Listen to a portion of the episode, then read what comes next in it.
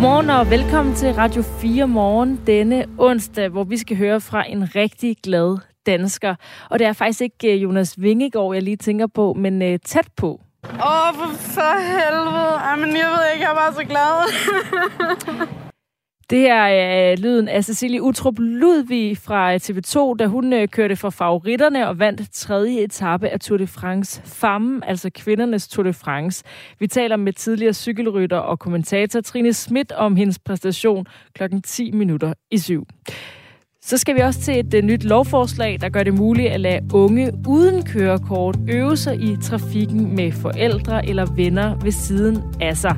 Lovforslaget vækker dog øh, glæde hos øh, FDM, og klokken kvart i syv, der spørger jeg, hvorfor.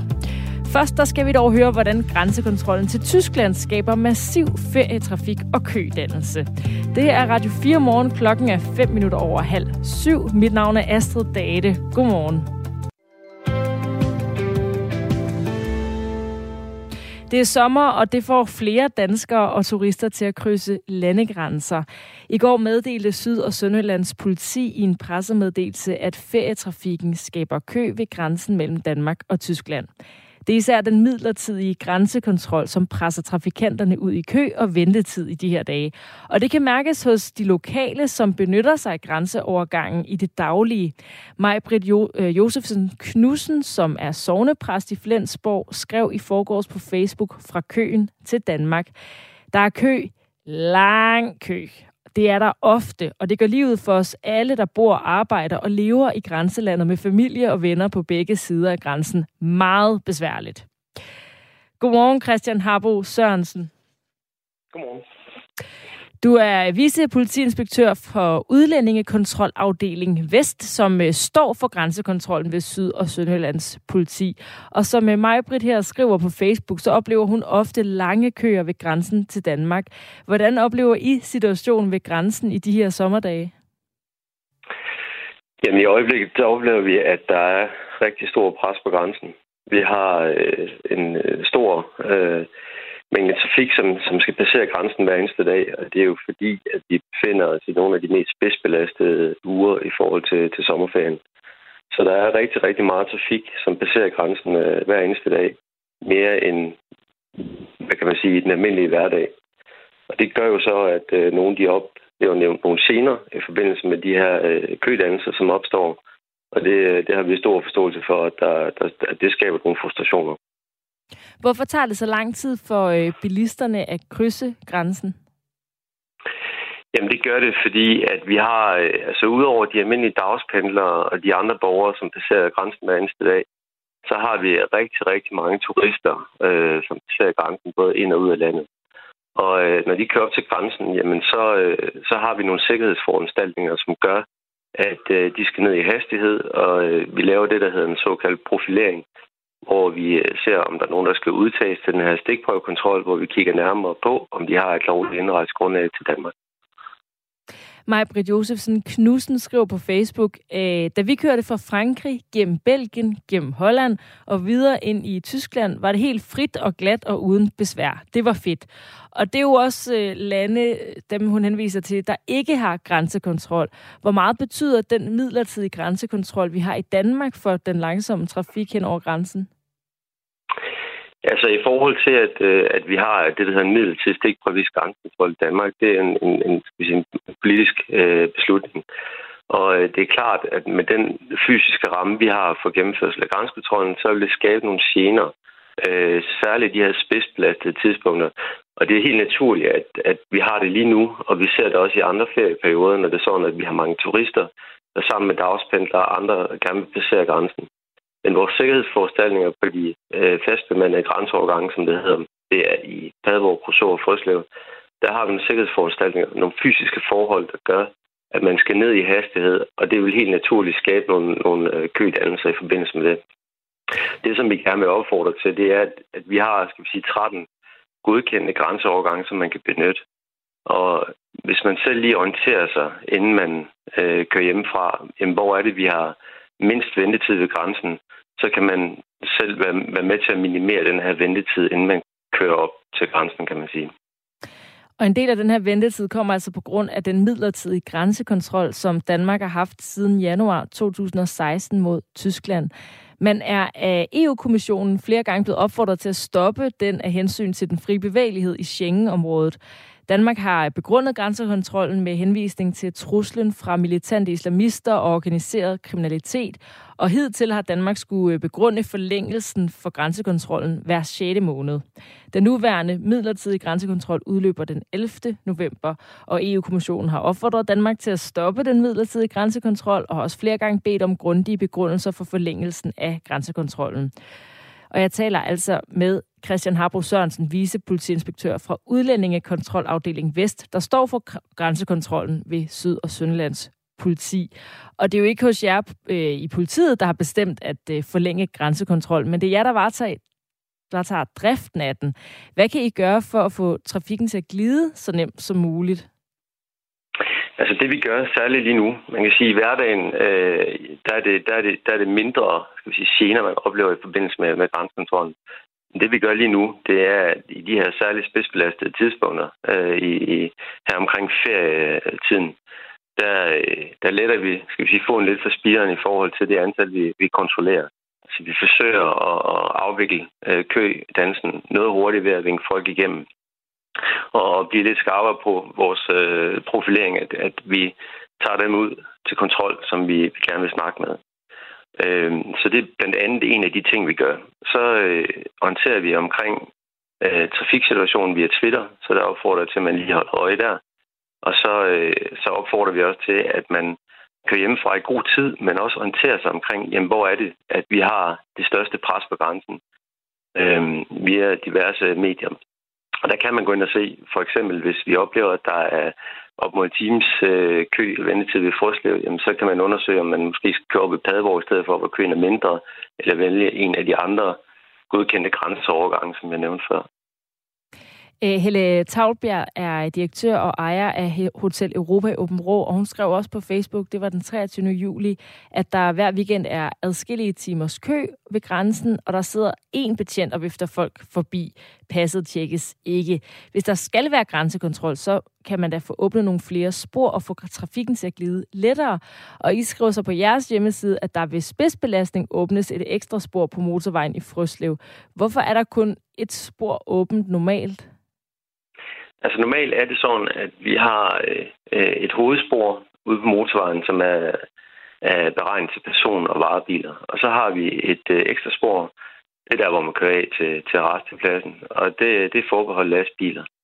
I øh, weekenden har vi så kunne se, at der har været behov for at benytte den fulde kapacitet dernede, sådan at personer og varebiler også kunne benytte det spor, som normalt er forbeholdt lastbiler. Her i sommerferieperioden har vi også gjort det, at øh, vi har åbnet op for, for lastbilsporet på andre tidspunkter, sådan at vi udnytter den fulde kapacitet, sådan som de fysiske rammer er lige nu. Øhm, så person- og varebiler faktisk også kan køre i lastbilsporet på andre tidspunkter end fredag og lørdag, hvor de normalt øh, også kan køre der lød det fra Christian Harbo Sørensen. Tak fordi du var med, vicepolitiinspektør fra Udlændingekontrolafdeling Vest ved Syd- og Sønderlands politi, der altså opfordrer, opfordrer til, at man orienterer sig blandt de 13 godkendte grænseovergange for at se, hvor man kan komme hurtigst over grænsen. Lige efter nyhederne klokken 7, der skal vi høre fra nogle af de lokale, der bor både nord og syd for grænsen. De er nemlig ret trætte af den ventetid, som den midlertidige grænsekontrol medfører dagligt lige nu. Og vi bliver i bilen i et øh, lovforslag, der lægger regeringen nemlig op til, at køreelever sideløbende med deres undervisning på en køreskole, kan øve sig i en privat bil med en ledsager, for eksempel forældre eller venner, det skriver Jyllandsposten. Forslaget bygger på erfaringer fra blandt andet Sverige. Dennis Lange, chefkonsulent hos FDM, du mener, det her er et godt forslag. Hvorfor? Jamen det mener vi jo grundlæggende i FDM, fordi at erfaringerne fra, fra andre lande øh, viser, at det her rent faktisk kan give en trafiksikkerhedsmæssig gevinst. Når køreeleverne på den her måde får, hvad skal vi sige, flere kilometer under, under dækkene i forbindelse med køreuddannelsen, så er de rent faktisk bedre og sikre bilister, når de så kommer ud og får kørekortet, og dermed involveret i færre ulykker, end vi ellers ser nye bilister i dag. Hvorfor er det bedre for trafiksikkerheden, at unge uden kørekort kommer ud og kører på vejene? Ja, man kan sige, det, at du kører ledsaget, altså ikke i sig selv noget et trafiksikkerhedsmæssigt issue som sådan. Det er ikke det, øh, efter vores øh, kendskab af erfaringerne fra udlandet viser. Men derimod får du netop den her gevinst, når så de rent faktisk får kørekortet, fordi så er de allerede der mere rutinerede bilister, end de er på den måde, vi uddanner køreelever i dag. Det ligger i øh, forslaget, at både eleven og ledsageren gennemfører et ledsagerkursus, der skal sikre, at de begge ved, hvad ledsagerens opgave er. Og derudover så lyder forslaget, at ledsageren skal være fyldt mindst 25-30 år og have haft kørekortet i 3-5 år. Og modellen kendes fra Sverige. Her der kan elever køre ledsaget fra de er 16 år gamle, altså inden de har fået kørekortet. Det samme gælder i Norge, mens minimumsalderen i lande som Tyskland og Holland er 16,5 år. I lovudkastet overvejer regeringen, om eleven skal have bestået teoriprøven, før ledsaget kørsel bliver en mulighed. Og jeg taler altså med Dennis Lange, chefkonsulent hos FDM, der mener, at det her er en god idé. Hvornår mener du, at en køreskoleelev er klar til at komme ud og køre med sine forældre i stedet for en kørelærer? Vi har ikke nødvendigvis lagt os fast på, hvor nøjagtigt det skal være, men det er klart, at det skal være et stykke henne i, i uddannelsesforløbet. Det skal ikke være første dag, man, øh, man møder op på køreskolen, og så kan man også begynde at køre med for eksempel sine forældre.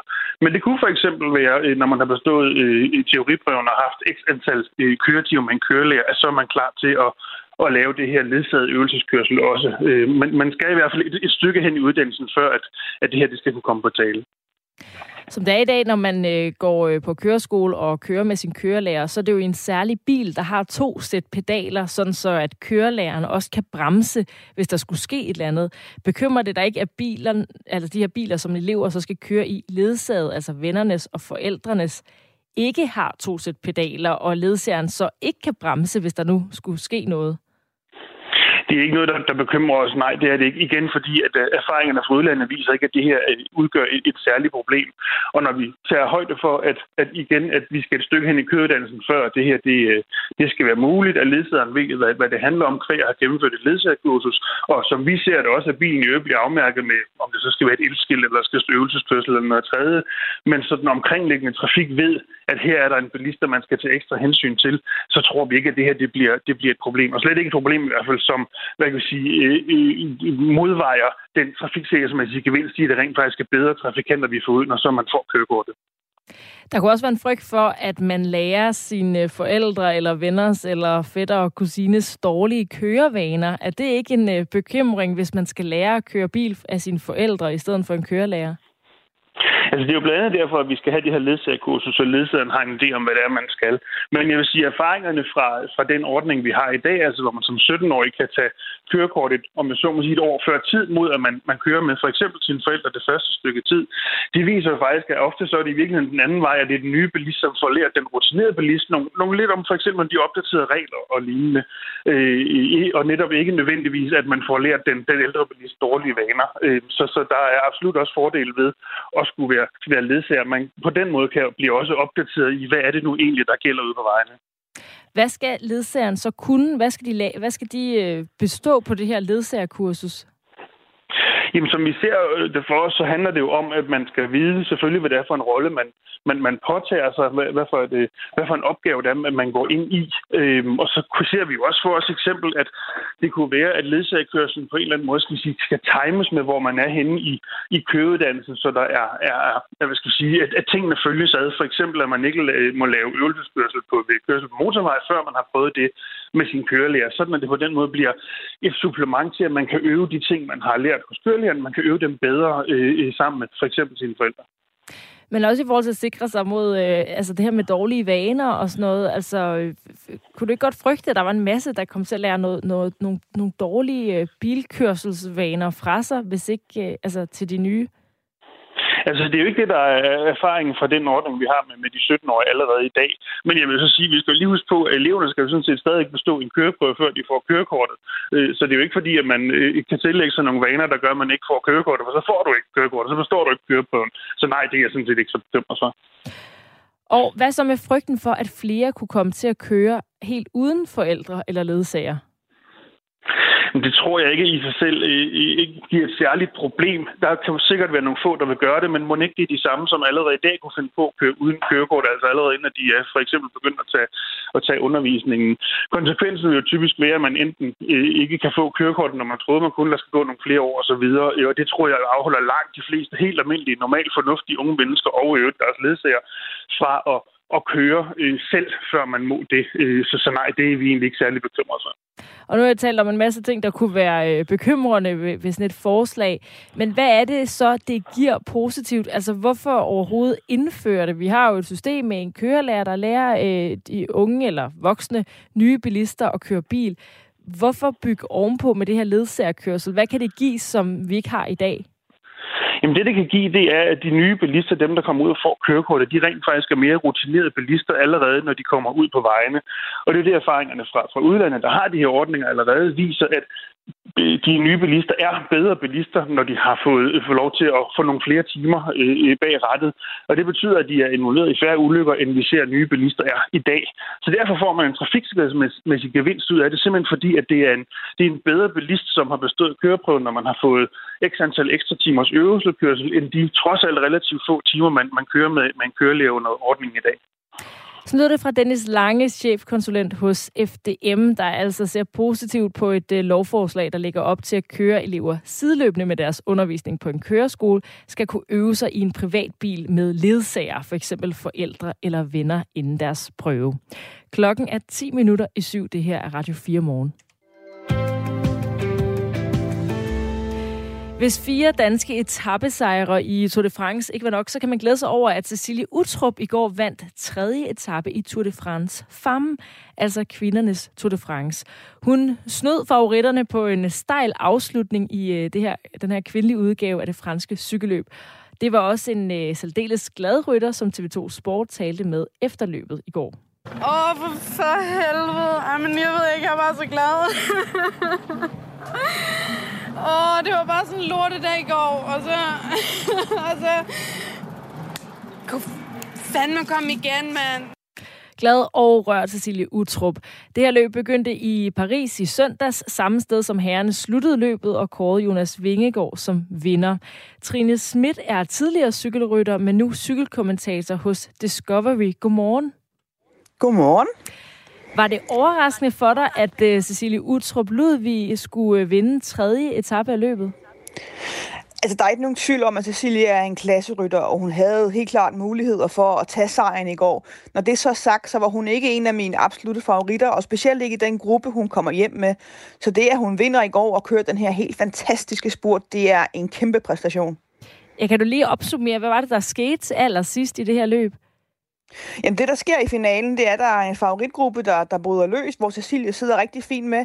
Hun har lidt problemer på Køtti Motigné, som er cirka 20 km før mål, men hun bider sig fast og, og sidder med hjem til, til afslutningen. En afslutning, som egentlig på papiret var, øh, var selvskreven til at, øh, at være, øh, altså det designet til at være perfekt for den gule trøje, Marianne Foss, som fører løbet lige nu. Og Cecilie, hun sidder med, og øh, i spurten, der snyder hun dem alle sammen, og, øh, og slår dem med 10 meter, så hun kører, altså det er helt exceptionelt god spurt, hun kører, og ja, det var, det var fantastisk at se med på. Og der er måske nogen, der allerede kender Cecilie Utrup Ludvig for hendes øh, gode energi og øh, her indimellem tårvedet interviews. Vi skal lige høre endnu en bid fra TV2 Sports interview fra etappen, eller efter etappen var det i går. Og det var fandme fedt, mand. Og så mine holdkammerater, der var... Åh, de var bare så gode, og de troede bare på mig. Ej, det var for helvede. det er en, åh, det er en god dag i dag. Trine Schmidt, du siger, at øh, god rytter, men, men ikke øh, en, du nødvendigvis havde helt som topfavorit. Men kan du øh, ja, beskrive, hvem er Cecilie Utrup Ludvig øh, som rytter? Jamen, Cecilie, hun er jo et, øh, et festfyrværkeri, og hun er en fantastisk cykelrytter, og hun har jo vundet cykelløb før, men hun har aldrig, altså, men hun har ikke, hun er ikke typen, der vinder mange cykelløb, fordi hun, hun øh, ofte falder lidt til kort i de her spurtafslutninger. Men i går, der kommer hun ind i en gruppe, og den her stigning, den her afslutning til sidst, den stiger jo en lille smule, og sidder jo faktisk, øh, passer jo Cecilie rigtig, rigtig godt. Så at hun slår de her rytter, det er jo ikke, fordi det er en kæmpe overraskelse, men hun står alligevel nogen, som på papiret øh, har bedre resultater end hende. Øh, men hun er en kriger, og, øh, og, og øh, det, er, øh, det, det, det er jo ikke fordi, at det var umuligt, og det viser hun jo med al tydelighed, at det slet ikke var. Så, øh, så hatten af for Cecilie, og forhåbentlig giver det her en vinger til at gøre det igen. Det kunne jo være fantastisk. Det her er Tour de France Femme køres for første gang i år, og det er den kvindelige pendant til herrenes Tour de France. I, det kvinde, I den her kvindelige udgave, der køres der otte etapper, og udover Cecilie Utrup Ludvig, så deltager der to andre danskere, Julia Let og Emma Norsgaard. Hvor placerer den her sejr sig på en liste over danske kvindelige cykelresultater? Jamen, den er absolut en af de største. Vi havde i 2016, der fik vi jo en, en verdensmester i Amalie Didriksen, hvilket jo også er øh, en kæmpe resultat. Øh, men det at stå i den gule, eller ikke i den gule trøje, men det at tage en tappe i, øh, i, øh, i Tour de France, det er, jo, det er jo ret specielt, fordi at alle kan forholde sig til Tour de France. Alle, øh, altså mig og alle mine kvindelige cykelrytterkollegaer, de er jo blevet spurgt igennem mange år, Nå, du er cykelrytter, har du så også kørt Tour de France? Og det har vi jo sådan lidt, ah, det, det har man sgu ikke rigtig kunne sige ja til. Men det, at man kan sige ja til, at man har vundet en etape i Tour de France, det er jo kæmpestort, fordi det er noget, alle ved, hvad er. Så jeg vil nok rangere den som, øh, som, øh, som i hvert fald lige så stor som en VM-titel. Og det, ja, for det kommer også oven på øh, herrenes øh, fire etappesejre, både Magnus Kort, Mads Pedersen og så to til Jonas Vingegaard, som jo så også vandt hele løbet. Og nu har vi så også en etappesejr til øh, Cecilie Utrup Ludvig. Hvad siger det om, øh, om dansk cykling? Jamen, det siger noget om, at, øh, at i Danmark, der har vi et godt miljø for, for unge ryttere. Vi har nogle dygtige ledere og trænere ude i de danske klubber.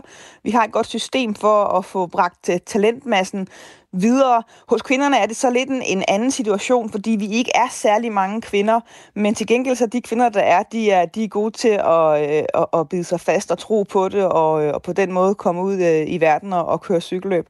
Øh, jeg håber virkelig, at Cecilie Sejer her, den, øh, den kan øh, inspirere rigtig mange unge piger øh, ude i Cykel Danmark herhjemme til at begynde at cykle og til at og, og, og begynde at drømme om et Tour de France, fordi at kvindecykling er i en rygende udvikling, og herhjemme der kommer der også bedre og bedre forhold for, for, for piger på cykel.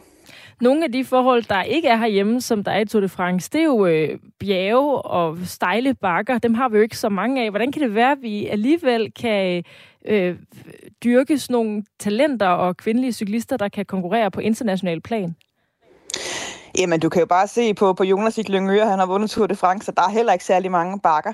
Det er jo heldigvis sådan øh, i moderne cykling i dag, at øh, det er jo nemt at komme rundt i verden, og, øh, og det her med, at man, øh, man kan, kan, kan for eksempel bo herhjemme og flyve ud til træningslejre og, og, og køre bjerge, det er en fordel. I Cecilies tilfælde, så har hun valgt at bosætte sig i, øh, i Girona, hvor der jo er øh, bjerge, hvor hun kan træne i dem til daglig. Så det handler jo lidt mere om, hvad for nogle valg man tager i hverdagen, og hvis man har talentet til at, til at køre opad, så, øh, så kan man blive verdens bedste cykelrytter. Og det er altså første gang i 33 år, at kvindernes udgave af Tour de France kører. Og nu har vi altså en etappesejr. Kommer vi til at se øh, mange flere sejre de kommende år?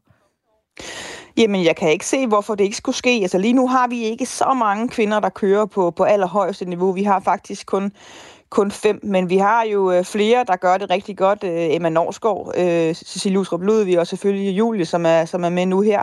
Men så har vi altså også en, en talentmasse, som ligger og, og summer, øh, øh, og vi håber jo selvfølgelig, at øh, de kan tage stafetten videre og, og gøre, at vi kan vinde cykelløb også øh, i fremover. Og hvad betyder det for sporten at få sådan et øh, Tour de France til kvinder? Fordi uh, blandt herrene, så bliver det jo set som, som det største, og det er meget prestigefyldt og har en masse opmærksomhed. Altså kommer det, at der er en kvindelig udgave på de her otte etapper, også til at løfte øh, kvindecykling? Jamen, det er jeg slet ikke i tvivl om, det gør. Som jeg også nævnte før, så ved alle, hvad Tour de France er.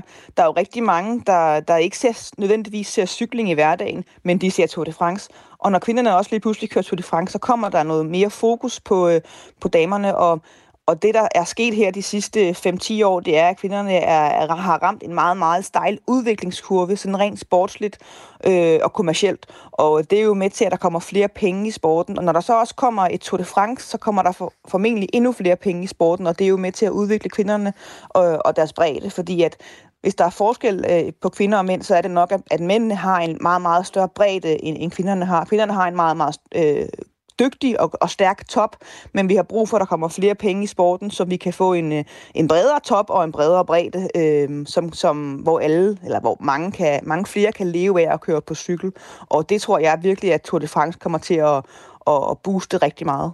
Og hvis vi lige her til sidst skal nå at se frem mod dagens etape, er der så nogle af de øh, tre danske deltagere, der ligger lut i svinget til en etappesejr i dag? Jamen, det er absolut muligt. Vi har jo, øh, selvfølgelig har vi Cecilie Utrup Ludvig, som helt klart også godt kan sidde med på en etape som i dag. Vi skal ud og køre på, på, det er faktisk en ret brutal etape. Vi skal ud og køre på grusveje, og den er også rigtig kuperet.